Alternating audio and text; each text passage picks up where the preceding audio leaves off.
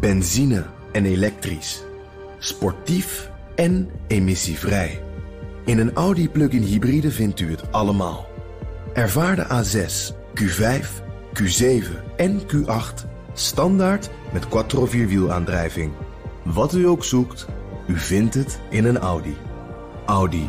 Voorsprong door techniek. De column van Bernard Hammelburg. Iedereen weet dat de afgeblazen verhuizing van Unilever naar Rotterdam niets te maken heeft met de Nederlandse dividendbelasting. Het interesseert de Britse aandeelhouders niet. Wat ze vrezen is een te grote bescherming in Nederland tegen een vijandelijk bod, want ze willen graag vet kunnen cashen als ze de kans krijgen. Ik denk dat ze meer zijn afgeschrikt door het gevecht van PPG om AXO, toen de Nederlandse politiek nog meer barrières tegen overnames wilde opwerpen en grote Nederlandse bedrijven in het publieke debat plotseling de status kregen van een soort nationaal erfgoed. Ja zeg, een Nederlandse multinational kon toch niet zomaar worden verpatst? Axo, Shell, Unilever, het voelde als Rembrandts nachtwacht. Dat vinden de Britse aandeelhouders pure apenkool. Enige valt niet te ontkennen. Nederland glimt van trots dat het de derde investeerder in de Verenigde Staten is. Maar als een Nederlands bedrijf in buitenlandse handen valt, is de wereld te klein. Ongetwijfeld speelde in het besluit van de Unilever-aandeelhouders ook Brexit een rol. Houdt juist nu zo'n gigabedrijf in Londen als een soort tegenwicht voor de paniekerige stemming in het Britse bedrijfsleven over de exodus vanuit Londen naar Europa. Die gedachte zal zeker door de hoofden van de aandeelhouders zijn gegaan.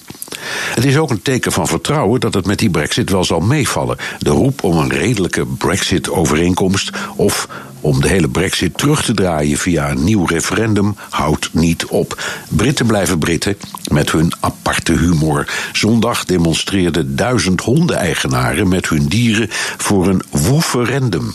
Brexit kan bijvoorbeeld leiden tot een ernstig tekort aan dierenartsen. Een grijze schnauzer droeg de tekst: Brexit is compleet gestoord, wat in het Engels grappiger klinkt. Brexit is barking mad.